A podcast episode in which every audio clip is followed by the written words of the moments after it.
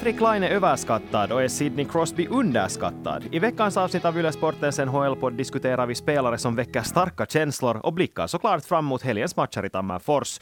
Med det har du Anders Nordensvan och Mattias Simonsen. Ja, det har faktiskt gått fyra år sedan det senast spelades NHL-ishockey i Finland. Också då var Patrik Laine med.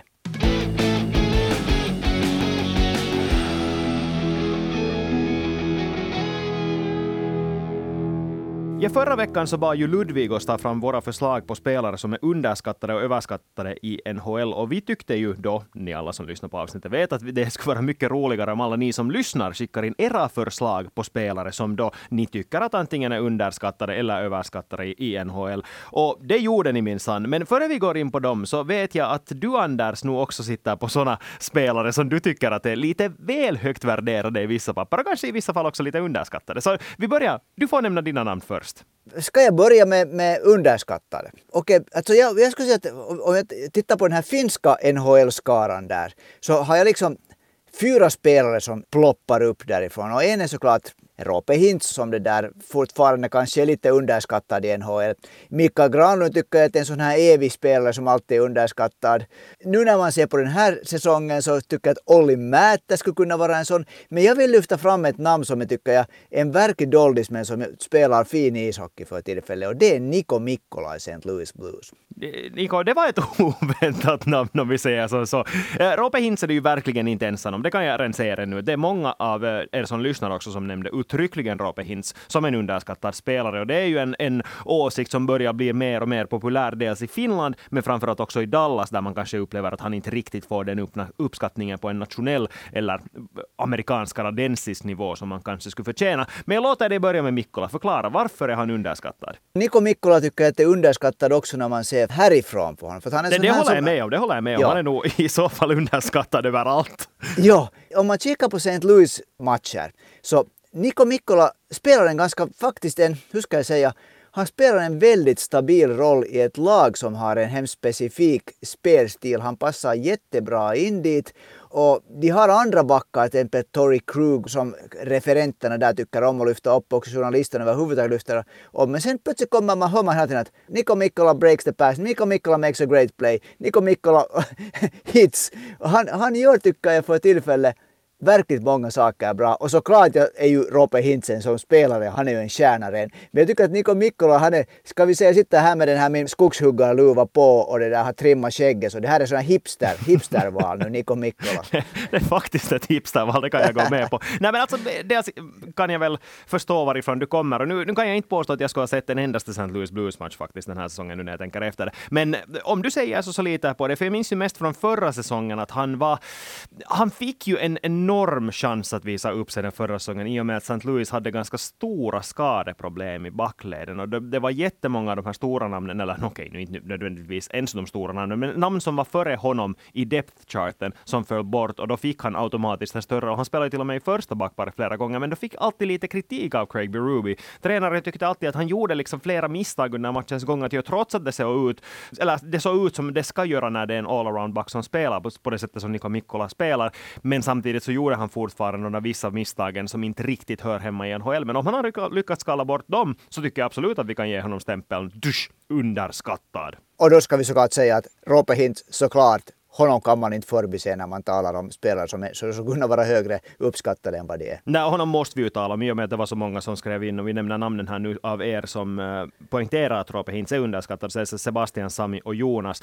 Alla tre tycker att Rope Hintz absolut är den underskattade spelaren i NHL. Inte kanske nödvändigtvis ens bara ur Finns perspektiv, ur utan kanske hela NHL, för det är ju lite så som snacket går också i Dallas, att, att det, det är lite sådär att hej, fattar ni inte att här har vi vår första center som ingen talar om, fast han sätter in mål på löpande band känns det som. Men om vi sen tar underskattar liksom ur helhetsperspektiv, så jag, jag märker, och det här var faktiskt någonting som jag nu först insåg, men det är en en ärlig åsikt. Igen kommer det en St. Louis Blues-spelare som jag lyfter fram. Och en som jag tycker att är en sjujädra spelare men som inte får tillräckligt mycket på rubriker är Ryan O'Reilly eller Ryan O'Reilly ska man väl säga, första centern i St. Louis Blues. Med honom tycker jag nog inte att man kan säga att det är underskattad överhuvudtaget. Jag menar, snubben har ju vunnit Conn Smythe Trophy och är mm. varje år med i diskussionen för ligans bästa defensiva forward. Ryan O'Reilly är nog precis så uppskattad som han förtjänar att vara, skulle jag nog påstå. Men det snackas alltid om en massa andra centra. Hör man någonsin sådana här snack om vad Ryan O'Reilly egentligen gör? Som du säger, han har vunnit Conn Smythe. Han är delad trea av alla aktiva spelare i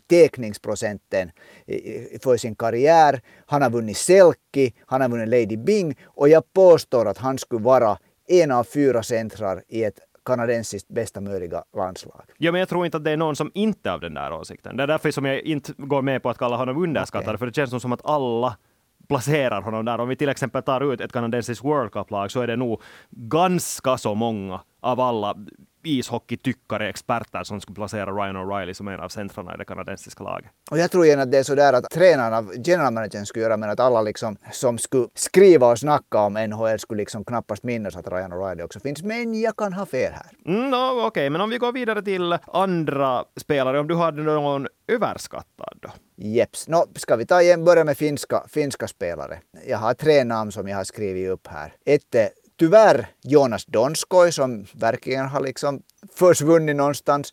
Så kommer jag inte ifrån Kasperi Kapanen som man väntar och väntar att det ska börja hända mer. Det var, så riktigt bra ut här i några matcher. Men nu måste jag ju säga att så småningom så kommer man nog inte över och inte under det att Rasmus Ristolainen är det här namnet. Jo, Ristolainen är du inte ensam och så mycket kan jag igen nämna att här av alla de som har skickat in så hade vi Rickard som tyckte att eh, Ristolainen och en annan spelare som vi kan gå in på sen, men han tyckte att Ristolainen, nu förskönar jag hans ord ganska mycket, för det var ganska hårda ordalag som Rickard valde att kritisera Rasmus Ristolainen. Men det där att han helt enkelt är överskattad, det kan jag hålla med om. Däremot håller jag nog inte med om att Donsko eller Kapanen skulle vara överskattade, i och med att de är nog ganska universellt kritiserade, känns det som just nu. Mm. Att det finns inte någon som försvarar dem heller. Att jo, men Donskoj finns det fortfarande kanske lite där att, att hej, att han var ju helt bra i San Jose, han var helt bra i Colorado, att kunde det nu inte borde lossna snart. Men jag tycker inte ändå heller att det är någon som, tyck, som talar om honom som om han skulle vara en bättre spelare än vad han faktiskt är. Och Kasperi Kapanen är ju nog sågad överallt. Det finns inte någon som hyllar honom just nu. Men ju Rasmus Ristolainen, så nu, nu är det ju så, så, speciellt när man har sett de här andra finska backarna, som till exempel, som du nämnde, Niko Mikkola stiga fram, så känns det ju nog som att Ristolainen inte ens kommer över den ribban. Men ö, om vi tar hela NHL NHL, inte bara finländare då? Vem är överskattad? No, här är en principiell, ett principiellt svar som du får kommentera och det är Alexander Ovechkin. Nej, jag behöver kanske inte kommentera. Jag tror att alla som lyssnar på den här podden vet exakt vad du tycker om Alexander Ovechkin. det kommer inte som en, överrask en överraskning att du, över, eller du tycker att han är överskattad som spelare. Ja, så har jag ett par namn här också som jag skulle lyfta fram. Liksom helt på, på, ska man säga, av, av sådana orsaker som händer på isen och kanske också när man går till lönekontoret. Och en av dem är Tyler Seguin som lyfter 13 miljoner dollar högst betalda i hela NHL den här säsongen. Hans, hans liksom medelsnittslön är 9,8 miljoner vilket också är mycket. Men 13 miljoner för Tyler Seguin, det är mycket det är att kanske vara lite överskattad. Eh, jo, okej, okay, om man definierar överskattad som att han får för mycket lön, men jag skulle inte riktigt heller säga att det är kanske den definitionen som jag skulle kalla, eller om jag kallar en spelare överskattad så skulle jag mer säga det att människor i allmänhet hypar honom för att han heter en viss sak och kanske någon gång mm. har spelat bra men inte gör det längre. Jag tycker att, att Seguin har kommit lite förbi den fasen. Att jo, att ännu i fjol skulle jag kanske gått med på att kalla honom överskattad, men nu är det ju nog så att Roope Hintz har tagit över som en av de där stora stjärnorna i Dallas Stars och de andra andra namnen. Vi kommer att gå in på ett annat namn senare, men Tyler Seguin är inte riktigt ett av de där namnen längre som man ens diskuterar. Jo, han får för mycket lön, men jag skulle inte heller säga att han är överskattad just nu. Då får jag testa ett annat namn på det om du ja, testa, det här testa. mera. Och det är en back som jag tycker att är helt otroligt överhypad och det är Darnell Nurse i Edmonton. Det håller jag med om till 100 procent. Han är, alltså 9,25 miljoner dollar är det här hans nya kontrakt och det är långt och han skrev just under det. Och om man talar om att, att Rasmus Ristolainen gör mycket felbeslut så gisses vad Darnell Nurse gör felbeslut. Eh, ja, alltså, nej, jag, jag skulle placera Darnell Nurse och Rasmus Ristolainen i exakt samma kategori när det gäller de NHL-spelare. Inte bara det att de båda skulle klassas som överskattade, utan om man tittar på dem spelare för spelare, jämför dem sida vid sida, så tycker jag att de är ganska identiska. Och det är inte bra för Edmonton eller Nurse att jag säger så. nej, det är nog inte.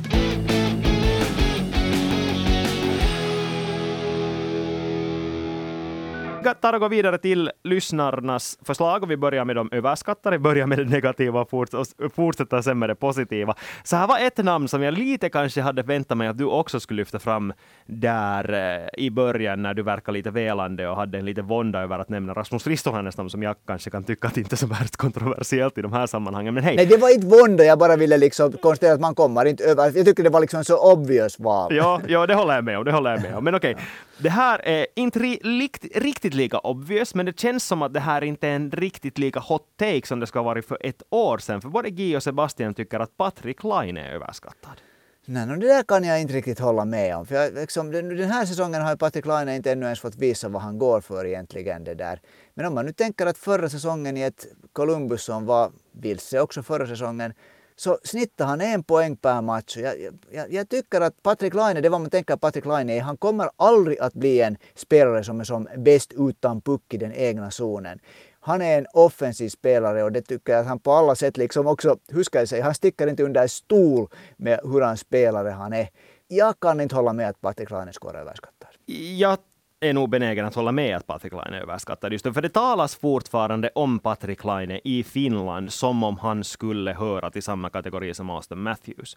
Och det hör han ju inte. No, Austin Matthews har ju definitivt under sina år i NHL blivit till och med bättre kanske än man, man det där förväntar sig. Och tanken var då, eller mm, tanken är fel ord, men många tänkte att Patrik Laine skulle kunna vara lika bra som Austin Matthews. Och det är han ju inte som totalspelare, Austin Matthews är en center. Men det där fortfarande så är jag av den åsikten att Patrik Laine är en spelare som kan göra 50 mål per säsong. Ja, och det är just det att han kan göra det, men han har mm. inte gjort det. Och nu skulle det liksom... Han har gjort 44! Ja, men det, det, är också ganska många år sedan han gjorde det och det skulle börja vara dags att faktiskt leverera och visa att han fortfarande är den där spelaren och att man bara, inte bara talar om honom som den där som har den där otroliga kapaciteten men som inte lever upp till de förväntningarna. För det, det är ju det som är problemet ur hans perspektiv. När, men han har alltid behövt det här stödet omkring sig. Han har alltid behövt det där stödet omkring sig och sen när han har det nästa gång så sen är jag, sen är jag färdig att det där att säga hur han är skattad åt vilket håll. Ja, exakt. Och där är kanske, det, det, där är kanske det som är kärnan i mitt problem här med att om han är överskattad eller inte och varför jag mer lutar mot att han är överskattad. För jag tycker att man talar om honom som om han skulle vara en spelare som inte behöver det där stödet. Men det är ju alldeles uppenbart att han gör Vem det. Vem talar? Jag tycker i allmänhet, om man talar i finsk media om Patrik Laine som mm. en av Finlands största NHL-stjärnor, så nämner man honom i samma mening som Alexander Barkov och Sebastian Aho som en spelare som gör alla andra i kedjan bättre. Mm. Patrik Laine är den som behöver en bra kedjekamrat för att själv nå upp till sin egen nivå. Därför tycker jag att det är helt berättigat att kalla honom överskattad. No, okay. om, man, om man tar helt det här utgångsläget från vad, vad, liksom, vad finska kvällspressen skriver och det där hur, hur mycket man följer med om han har klippt håret eller vad han har för färg skor. Så på det sättet är han överskattad. Men jag försöker nu ta en sån lite mera ishockeyinriktad Fine. perspektiv Fine. på det här. Fine, jag går med på det. Vi går vidare till Rickards andra förslag. Han lyfter ju som sagt upp Ristolainen som du höll med om och han tycker också att Jesse Puljujärvi är överskattad. Och här tänker jag igen, gärna säga att jag har lite problem med det där att han ska vara överskattad, för det börjar nog igen vara konsensus i Finland också om att Puljärvi nog aldrig kommer att bli den spelare som man trodde att han skulle bli när han blev vald till junior-VMs mest värdefulla spelare, var U18-landslagets viktigaste spelare och så här. Nej, stackars Jesse, honom vill jag inte slå med, mera liksom vrida om kniven i såret. För jag tycker så synd om honom. Just läste jag här i en tidning att han ska vara för det mesta vara, liksom tillbringa, tillbringa tiden på deras eh, resor, det är spelresor ensam för att det liksom, han tycks inte ha riktigt några kompisar i laget. Men de underskattade då, avslutar med positiva när det gäller finländare. Uh, som sagt, Roope Hintz har kanske konsensus om att han är den mest underskattade finländaren åtminstone i NHL just nu. Ett annat namn som kommer fram, Jonas tycker att Jose Saros är underskattad. Och det är nog en ganska bra poäng. Men det här är igen det här att, ska vi säga att i finsk äh, media har ju Jose Saros varit liksom på sitt sätt grymt hajpad hypad ända sedan det där fantastiska VM-guldet då i Malmö. Det har hela tiden varit snack om att Jose Saros, att han är den här killen som kommer att ta över och, och det där och han har gjort det. Så det där, jag vet inte riktigt. Jag tycker att Jose Saros får hemskt mycket liksom, sån uppmärksamhet som han, som han förtjänar. Ja, jag håller till hundra procent med. Det alla är medvetna om att Nashville gick till slutspel förra våren enbart på grund av tack vare Jose Saros. Mm. Jose Saros var en av de tre Vesaina-finalisterna. Det, det finns inte någon som kan säga att han skulle vara underskattad. Han är nog precis så Nej. uppskattad som en av NHLs bästa målvakter som han Nej, är. Han är bara kort. Han är inte underskattad. Internationellt, om vi tittar på spelare från alla hockeynationer, så är det för det första ett namn som två personer har lyft fram. Både Stefan och Simon tycker att Mitch Marner är överskattad och Simon igen i ganska hårda ordalag tycker inte att han platsar ens i NHL om man tittar som spelare. Det är kanske lite att ta i, men det där att han skulle vara överskattad, så det kan jag kanske hålla lite med om ändå. Jo, hela den här Toronto-showen som förresten rullar på, det här måste vi ta här i något skede igen, men inte kanske idag det är närmast så att det på något sätt det lyfts fram så att Mitch Marner borde, jag vet hur, att han, vad han ska göra liksom. Att det, det, förväntningarna på honom jag tycker jag är ganska orimliga. Och jag skulle säga att det påverkar honom. För han är den här spelaren som går i lås emellan riktigt ordentligt. Auston Matthews tycker att det är tuffare liksom på det sättet att hantera sånt här. Mitch Marner har man sett att han har nog en grym kapacitet.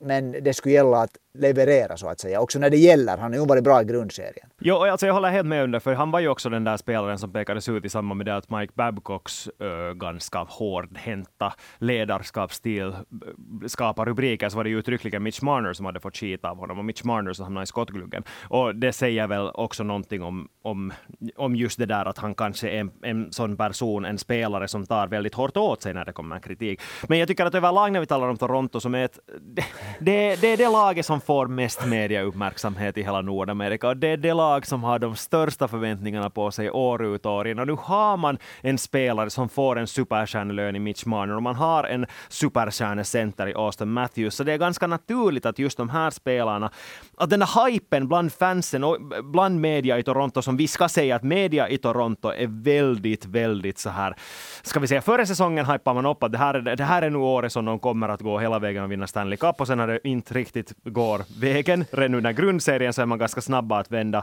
trend, eller ska vi säga vända på tonen helt och hållet och trycka på en knapp och sen kritisera allt och alla. Det är liksom så som det fungerar i Toronto. Det är ganska naturligt att, att de här stjärnorna i Toronto blir överskattade och Mitch Marner är kanske en som jag tycker att lite berättigat kan kallas överskattad just i och med att den här hypen blir lite konstgjort stor. Men sen Evar till exempel lyfter från Austin Matthews som överskattad och det har jag lite svårt med sen igen. Ja, jag tycker nog att Austin Matthews har nog varit också faktiskt i, det där, i, i, i slutspelet. Så jag tycker att han har varit den här som har kunnat liksom, också när det har gått dåligt, så han har kunnat liksom gräva sig ur en grop.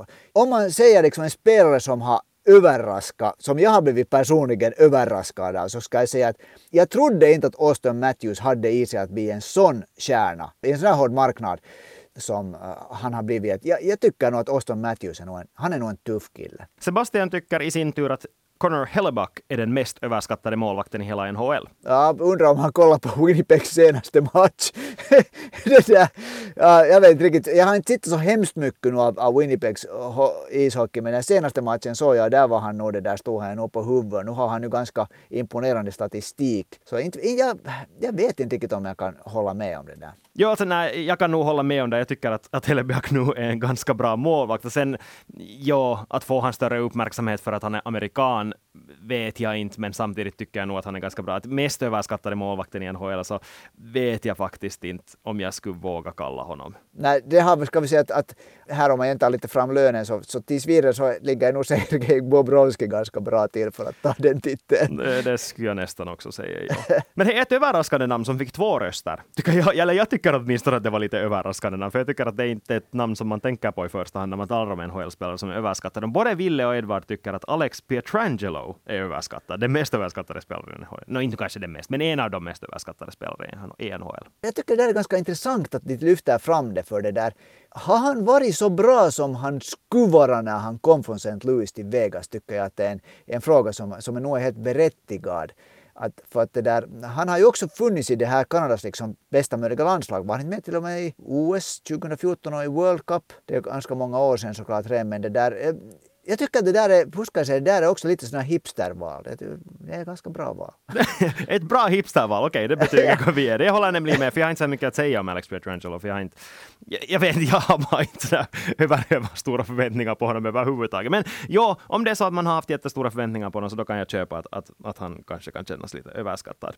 Sen har vi två spelare som du reagerar starkt på när Edvard skickade en otroligt genomförlig lista från varje lag, den mest överskattade och underskattade spelare. Tyvärr hinner vi inte gå igenom dem alla. Men några namn som jag vet att du vill diskutera Anders här, så det är Jacob Slavin och Jason Robertson, alltså Jacob Slavin från Carolina och Robertson från Dallas. Och Edward tycker alltså att de här är överskattade, men du håller inte alls med. Nej, alltså, om vi börjar med Jacob Slavin, så det kan jag nog inte hålla med för. Jag, jag skulle i och med att jag är så intresserad av att se Sebastian Aho spela så tittar jag nästan på alla Carolinas matcher som man kan. Man, och då får man på köpet Jacob Slavin. Och jag, tycker att, jag, jag måste säga att jag tycker att han hör till ligans bästa liksom försvarande backar. Jag tycker han är den spelaren som bara inte gör misstag för att ta en sån här klyscha att jag kan inte hålla med om att han skulle vara överskattad jag håller faktiskt med. Och samma sak med Jason Robertson också, att han är ju en jätteviktig kudde i första kedjan tillsammans med Robert Hintz. Det går inte riktigt ihop med det här att kalla att Robert Hintz är underskattad och, och Jason Robertson överskattad. Att ja, Robertson får medial uppmärksamhet i och med att han är amerikan, men samtidigt så är han ju nog bra också, inte kan man ju säga något annat. Och jättebra på att göra Alltså han är nog en, en, en verkligt vass målskytt. över 40 målskytt han förra säsongen och han är ju också ung kille. Nu är det så att han är 22 eller han fyllt 23 det där. Och jag tycker det här hans nya kontrakt också var sådär helt liksom, hur ska jag säga, det var inte sånt här liksom Hollywood-kontrakt utan det var helt liksom sakligt kontrakt som han, som han liksom då tog utan att gnissla tänder. Så det där. Jag tycker att, nej jag håller inte med om Jason Robertson.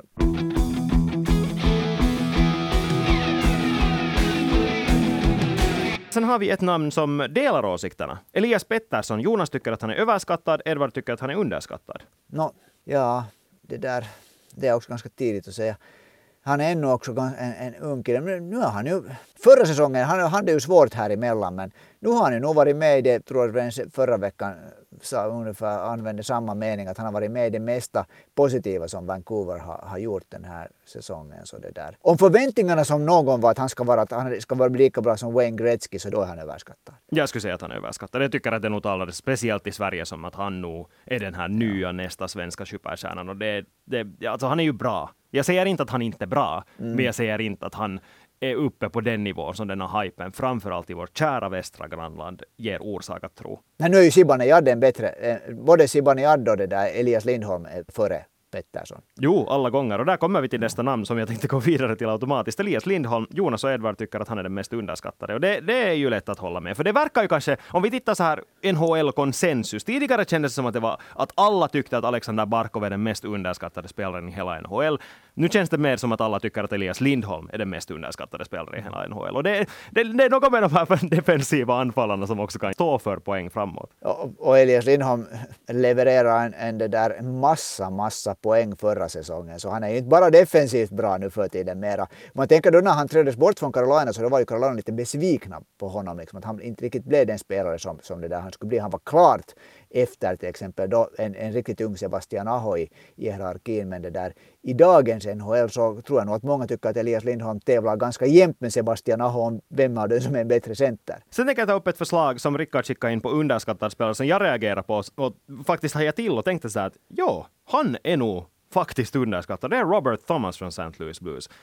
Och Rickard skriver så här, med tanke på att han ändå snittar en poäng på match så får han ganska lite uppmärksamhet. Och det kan jag hålla med om. Jag tycker nog att han är en av de viktigare offensiva spelarna som finns i det där laget. Han får inte alls den uppmärksamheten. Ja, hemskt bra poäng. Hemskt bra. Igen en St. Louis-spelare. Det där. En, en, och en ung kille som egentligen slog igenom förra säsongen kan man väl säga. Mm. Och där lider han ju nog av att det där St. Louis är i Missouri och inte där, inte kanske ändå, ändå det där ishockeyns riktigt liksom mecka. Att tänk om, om, om Robert Thomas skulle spela på det där sättet i, i Toronto. Sen en, ett väldigt intressant namn, Edvard, som lyfter fram att Sidney Crosby är underskattad just nu. Och först när jag hörde det här så reagerade jag. Är Sidney Crosby faktiskt underskattad? Men samtidigt så det kan nog vara att han just nu, inte sådär historiskt sett, det kan man ju absolut inte säga att han skulle vara underskattad. Man talar ju om honom som en av de här riktigt, riktigt stora NHL-legendarerna redan nu. Men just nu, den här säsongen, så tror jag faktiskt att man kan säga att han är underskattad. Det där valet älskar jag, för jag tycker det faktiskt att han hittade en bra, det är en bra liksom, plocka plockar fram en bra spelare där, för man tänker just det, 2000-talets äh, största spelare så här långt, det tror jag att alla så gott som alla är överens om att det är Sidney Crosby. Han är liksom den här bäst, störst för tillfället. Men just nu så har det liksom så att det har liksom, han är inte riktigt i, liksom i eh, pop numera. Det, det man ska snacka om de här yngre killarna som kommer upp såklart. Conor McDavid och Nathan McKinnon som, som ju kommer från samma ort som det där Sidney Crosby. Och Sidney Crosby, det är lite sådär att skulle nog inte redan kunna börja stiga åt sidan men ute på isen, sätt honom mot vem som helst. Det är inte en lätt center att ta en duellseger över i en match.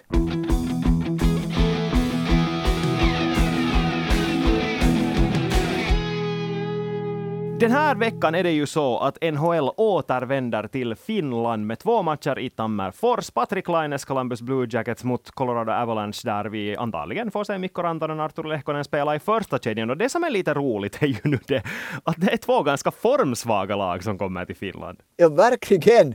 Verkligen. Alltså speciellt formsvagt är ju Columbus som har vunnit en av sina senaste fem matcher och senaste tre matcherna måls, målskillnaden är fyra gjorda, 17 insläppta mål. Senast 7-1 tillbaka mot New Jersey.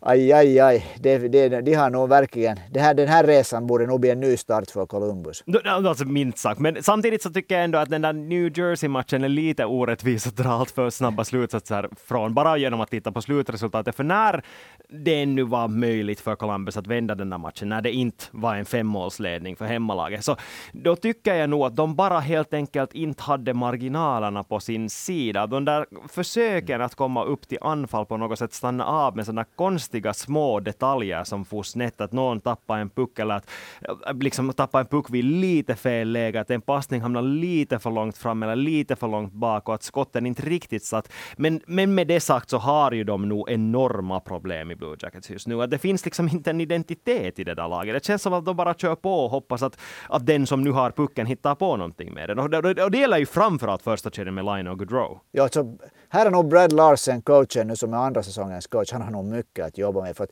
det finns liksom ingen, de har ingen, som säger, de har ingen identitet, de har ingen struktur i sitt spel. Det är liksom, vad ska Columbus nu vara? Det har varit ett sånt här hårt jobbande liksom blue collar lag.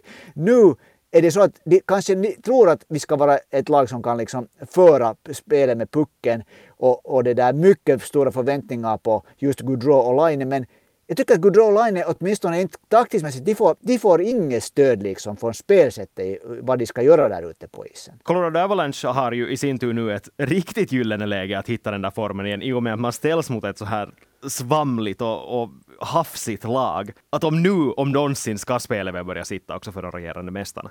Tala om att inte ha marginalerna på sin sida för att de har ju också förlorat. De förlorade senast under helgen mot Islanders med, med det där 4-5 och sen förlorade de 1-0 mot New Jersey. Och jag såg de där båda matcherna och alltså, jag kan inte förstå att inte Colorado vann den båda för det är liksom den mängden med målchanser som de radar upp. Huh, huh. Jo, det är kanske där som vi hittar den stora skillnaden mellan de här lagen just nu. För Columbus skapar ju inte ens målfarliga lägen just nu, medan Colorado radar upp dem på löpande band och det handlar bara om att puckarna ska börja gå in. Och det, det, vet man ju när man har ett lag som har spelare som Nathan McKinnon, som Mikko Rantanen, som Cale McCarr, att de, bör, de kommer att börja rassla in i något skede. Ja, det, och det borde, det borde nog göra det med, med verkligen. Men nu gjorde, ju, nu gjorde ju Mikko Rantanen äntligen mål också i spelsituation i förra matchen efter att ha haft fyra matcher utan att ha gjort mål.